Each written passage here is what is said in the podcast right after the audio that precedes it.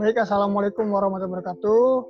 Kembali lagi dengan literasi mengenai konsepsi Ki Hajar Dewantara. Nah, kali ini kita akan membahas tentang konsep trilogi. Di mana ini sering kita ini ketahui dan juga sering dengar, sudah tidak asing lagi konsep mengenai Ingarso Sung Tulodo, Ingmardia Mangun Karsa, Tuturi Handayani. Nah, tapi walaupun memang sering kita dengar, nampaknya konsep ini ini ya apa belum terbedah secara mendalam ataupun hanya menjadi slogan-slogan pendidikan hari ini. Nah, bagaimana sih konsep ini menurut pemikiran dan gagasan dari Ki Hajar Dewantara itu sendiri? Saya akan menjelaskan lebih lanjut. Nah, jadi sebelumnya perlu kita ketahui juga nih ini sekilas tentang risalah perjalanan hidup pergerakan Ki Hajar Dewantara.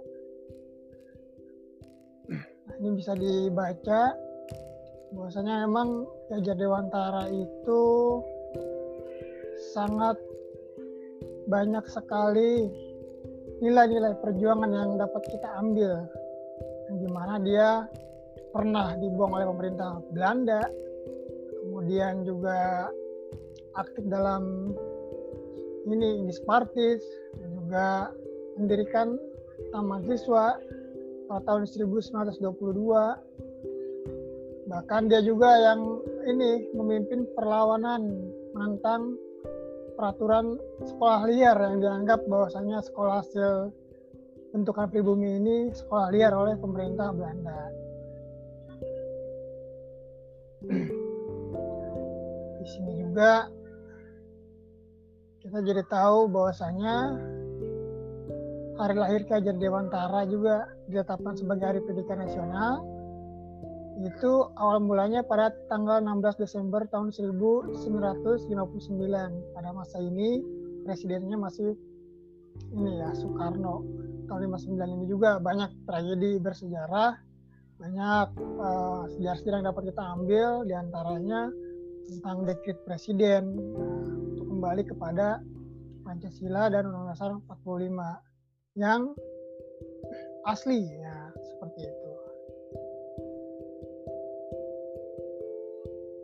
Nah, dalam trilogi pendidikan inilah yang dapat kita katakan sebagai dasar kerja pendidik. Dasar kerja pendidik di mana Ingarsa Sungtulodo, Hikmadio Bangun Karsa, Tuturi Handayani. Ki Hajar Dewantara memimpin Taman Siswa itu sejak tahun 1922 sampai meninggalnya beliau pada tahun 1959. Nah, beliau selama menjalankan roda kepemimpinannya ini menggunakan konsep trilogi kepemimpinan yang meliputi Ingarsa Sungtulodo, Dia Bangun Karsa, Turi Handayani, dan juga konsep inilah yang menjadi pijakan para pemimpin di Taman Siswa seperti itu. Jadi kalau misalkan kita mau membangun sebuah gedung itu, itu harus ada pijakannya, harus ada dasarnya apa dia. Tentu dasarnya itu harus kokoh, harus kuat. Kalau kita mau mendirikan gedung yang tinggi, itu ya misalkan paku buminya itu harus benar-benar menancap ke batuan induk gitu kan dalam ilmu geografi. Nah, sehingga apa? Dia tidak tidak goyang. Tidak goyang tidak amblas. Nah dan juga bangunannya berdiri tegak lurus. Bayangkan saja kalau misalkan kita menempatkan membangun gedung yang di mana dasarnya itu tidak kokoh ya dalam pembuatan dasarnya tentu. Kalau misalkan dasarnya sudah miring maka akan mempengaruhi juga pola berdirinya gedung tersebut. Kalau bangunannya miring, sudah pasti juga atapnya akan miring.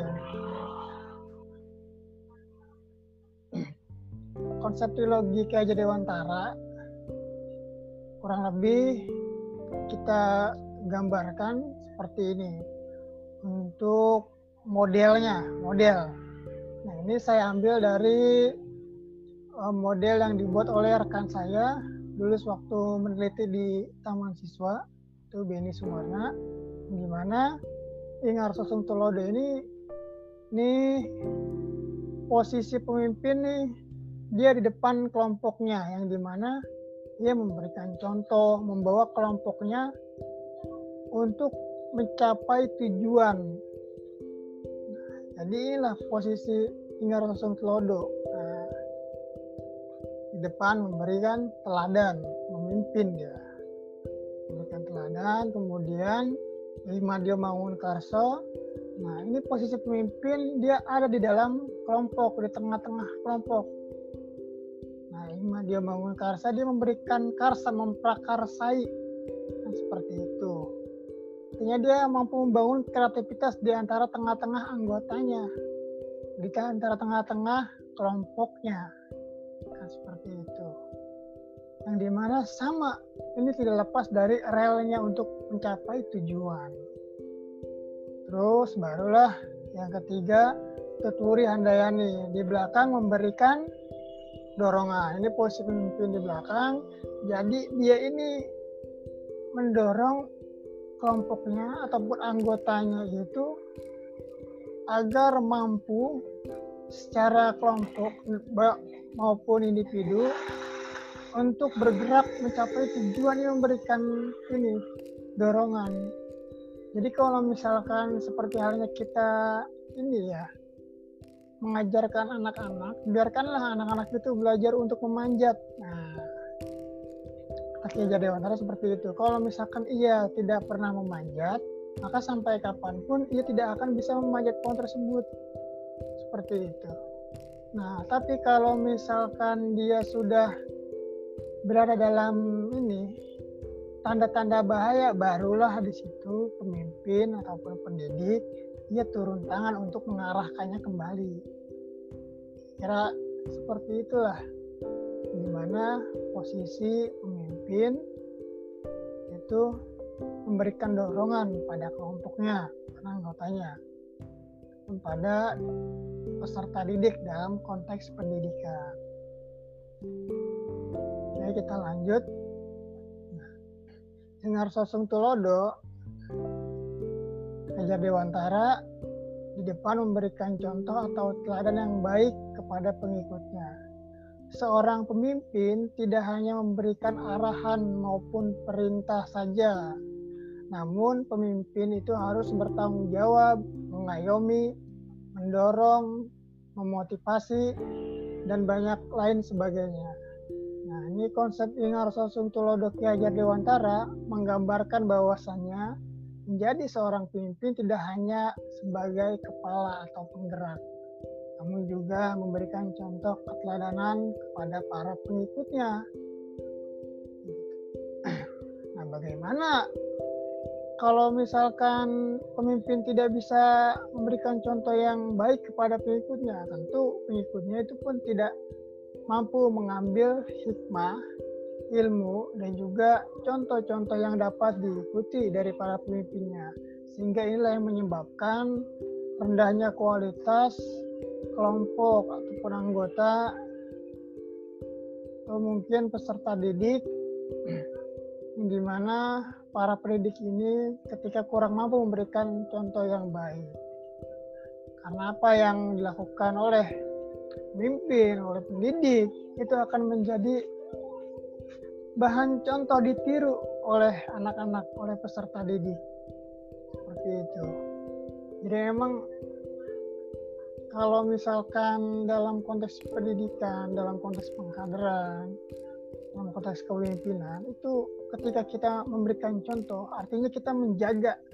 Nah, selain menjaga itu sebenarnya kita mendidik diri kita sendiri bagaimana cara kita menjaga sikap pada anak didik kita, peserta didik kita, dan kader kita. ini sama halnya kita mendidik diri sendiri maka dari itulah proses ini ya memberikan contoh teladan yang baik itu harus terus berjalan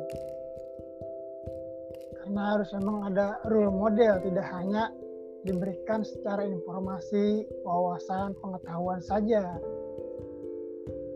terus Ilmadia Mangun Karso ini mengartikan bahwa seorang pemimpin berada di tengah-tengah pengikutnya untuk membangun semangat, bergotong royong mencapai tujuan bersama.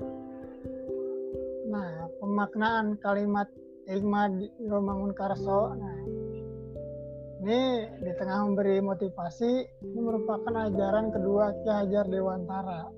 Dan ini memang memiliki syarat makna kebersamaan, di mana ia mampu hidup bersama, tinggal bersama kelompoknya. Ia menjadi bagian hidup daripada kelompoknya, anggotanya, serta didiknya. Menjadi teman hidup kan seperti itu. Dalam kesehariannya selama proses ia belajar kan itu. Makanya di sini sangat syarat kebersamaan. Bagaimana kita mengenal antar individu yang satu dengan individu yang lainnya, antar kelompok dengan individu, antar kelompok dengan kelompok, seperti itu. Nah, sehingga ketika ia berada di tengah-tengah inilah peran memotivasi itu berjalan.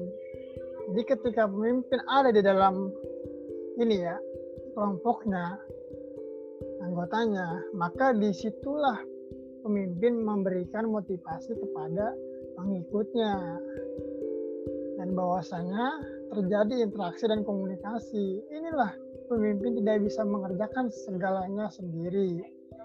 Ibarat perahu mengikuti komando dari sang kapten, tetapi dibantu juga oleh para anak buah kapal. Kalau yang bergerak hanya kapten, ya perahunya tidak akan jalan-jalan. Seperti itu. Kemudian Tuturi Handayani sini Hikmah dia bangun Karso mengartikan bahwa ini ya uh, Tuturi Handayani di sini bahwasanya ini memberikan dorongan yang di mana dorongan ini ketika para anggota kelompok sudah mulai kehilangan semangat ataupun dia sudah tidak tahu arah ataupun terjadi kebuntuan dalam hal pengetahuan dan ia ingin ada satu hal yang ditanyakan di situlah pemimpin menjadi ini sebagai untuk menjawab pertanyaan para anggota-anggota kelompoknya nah, bahwasanya memang tidak hanya kita melepas kelompok anggota ataupun peserta didik untuk selalu belajar mandiri ketika dia sudah mengetahui dasar-dasarnya. Tapi selain kita mengamati dan juga mengontrolnya, kita pun harus siap menjawab pertanyaan-pertanyaan maupun sikap dan juga keterampilan yang di mana itu dibutuhkan oleh anggota kelompok. Seperti itu. Nah, di dalam konsep implementasi ini ini salah satu contoh analisis ini ya mengenai implementasi trilogi kepemimpinan dalam tataran sekolah contohnya ini konkretnya yang pernah dibuat oleh teman saya nah ini sasaran implementasi seorang pemimpin itu harus jelas. Jadi kalau misalkan sasarannya siapa? Misalkan guru ataupun pamong, karyawan dan juga siswa. Tentu juga berbeda juga pola keterampilan, kompetensi, sikap yang ditunjukkan. Nah, makanya harus tahu tujuannya siapa nih sasaran implementasinya kalau misalkan antara antara guru tentu kita yang ditingkatkan adalah kerjasama selain kinerja ya. Nah, karena kinerja sudah pasti, sehingga ya bercip inilah berkembanglah antara pengetahuan, sikap dan juga keterampilannya. Nah, ini kita berikan sesuai dengan porsi-porsinya. Kemudian kalau misalkan kita sudah tahu sasarannya siapa, seperti itu barulah ini konsep Ingar Sosong Tulodo, Imadia Mangun Karso, Tuturi Handayani ini dapat kita laksanakan.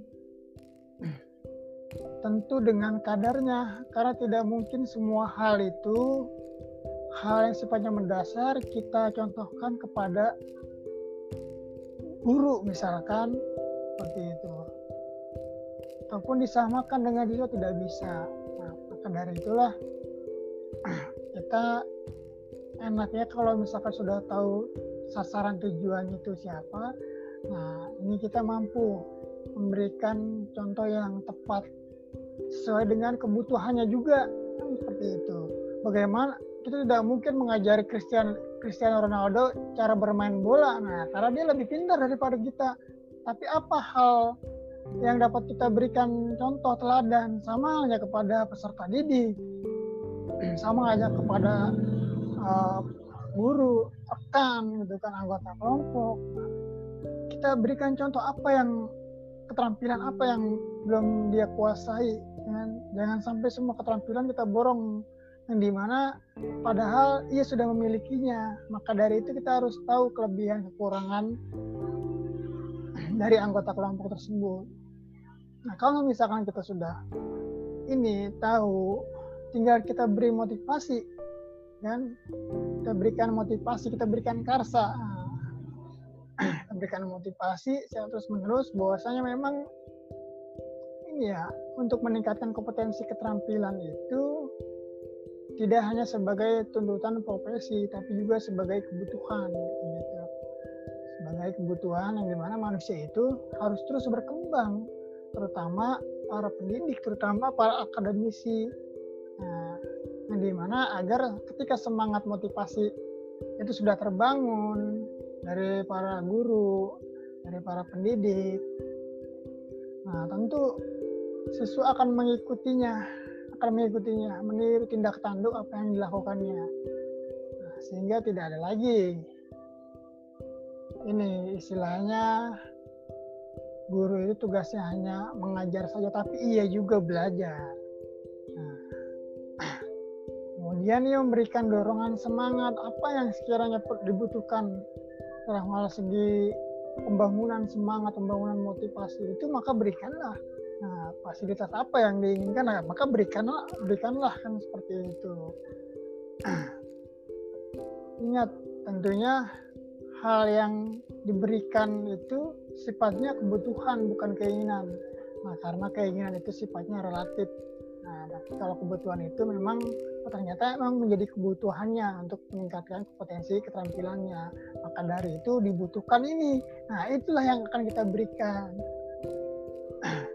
Baru di sini kita turunkan lagi. Nah, apa saja upaya-upaya pemimpin ataupun dalam konteks sekolah ini uh, dalam mengimplementasikan trilogi kepemimpinan ini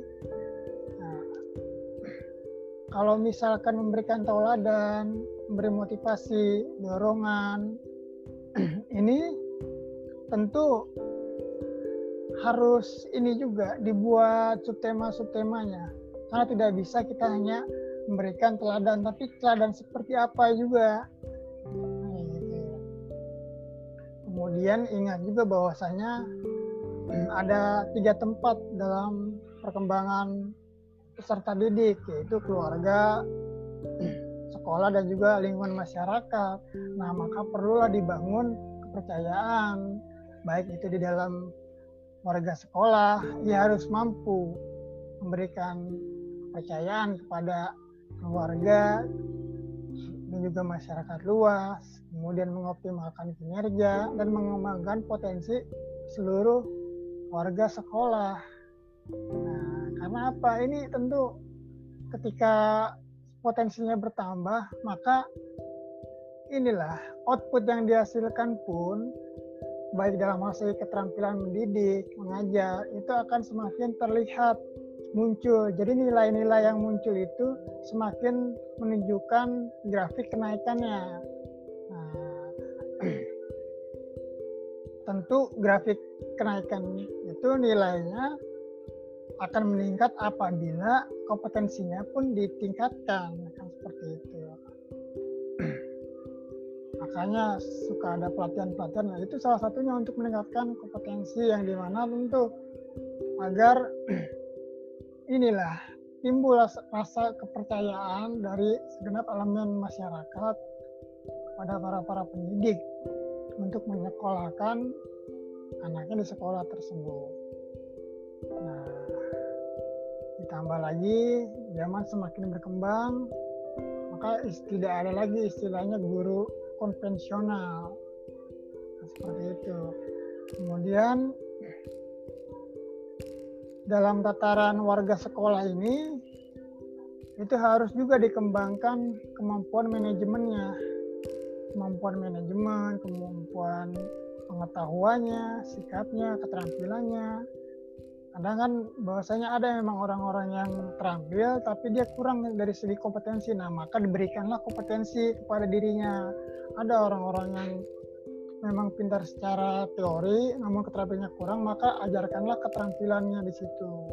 Dan ada juga mungkin orang yang kurang teori dan juga keterampilannya maka beri-berikanlah dua-duanya. Seperti itu. Dan juga tanamkan nilai musyawarah kekeluargaan dan nilai budi pekerti. Jadi memang utama itu kan kita membangun moral. Nah, tentu kalau misalkan tanpa adanya pembangunan moral, membangun ekonomi, membangun politik, membangun teknik, dan segala macamnya, tanpa adanya pembangunan moral, tentu itu tidak akan ber, berarti apa-apa. Nah, jadi ini konsep ini adalah konsep terapan yang di mana saya melihat bahwasanya uh, si bersifat fleksibel dan juga memang inilah yang perlu diimplementasikan khususnya dalam ranah pendidikan ya. Nah, baik itu pendidikan di lingkungan keluarga, sekolah dan juga masyarakat tinggal dikembangkan lebih lanjut. Nah, maka dari itulah yang pertama itu kita perlu pahami dulu bahwasanya antara konsep trilogi kepemimpinan dan juga trisentra pendidikan ini bukanlah dua hal yang terpisahkan, tapi dia trilogi kepemimpinan itu hidup dalam trisentra pendidikan.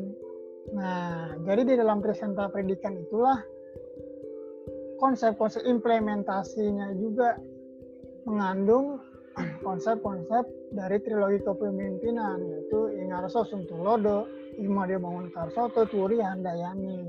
Ini kan merupakan konsep yang nah, simpel tapi sangat syarat dengan makna. Kalau lebih seperti itu, kita cukupkan dulu untuk literasi Kaja Dewantaranya Ya, semoga konsep ini dan juga pemaparan ini bermanfaat. Kalau lebihnya mohon maaf. Assalamualaikum warahmatullahi wabarakatuh.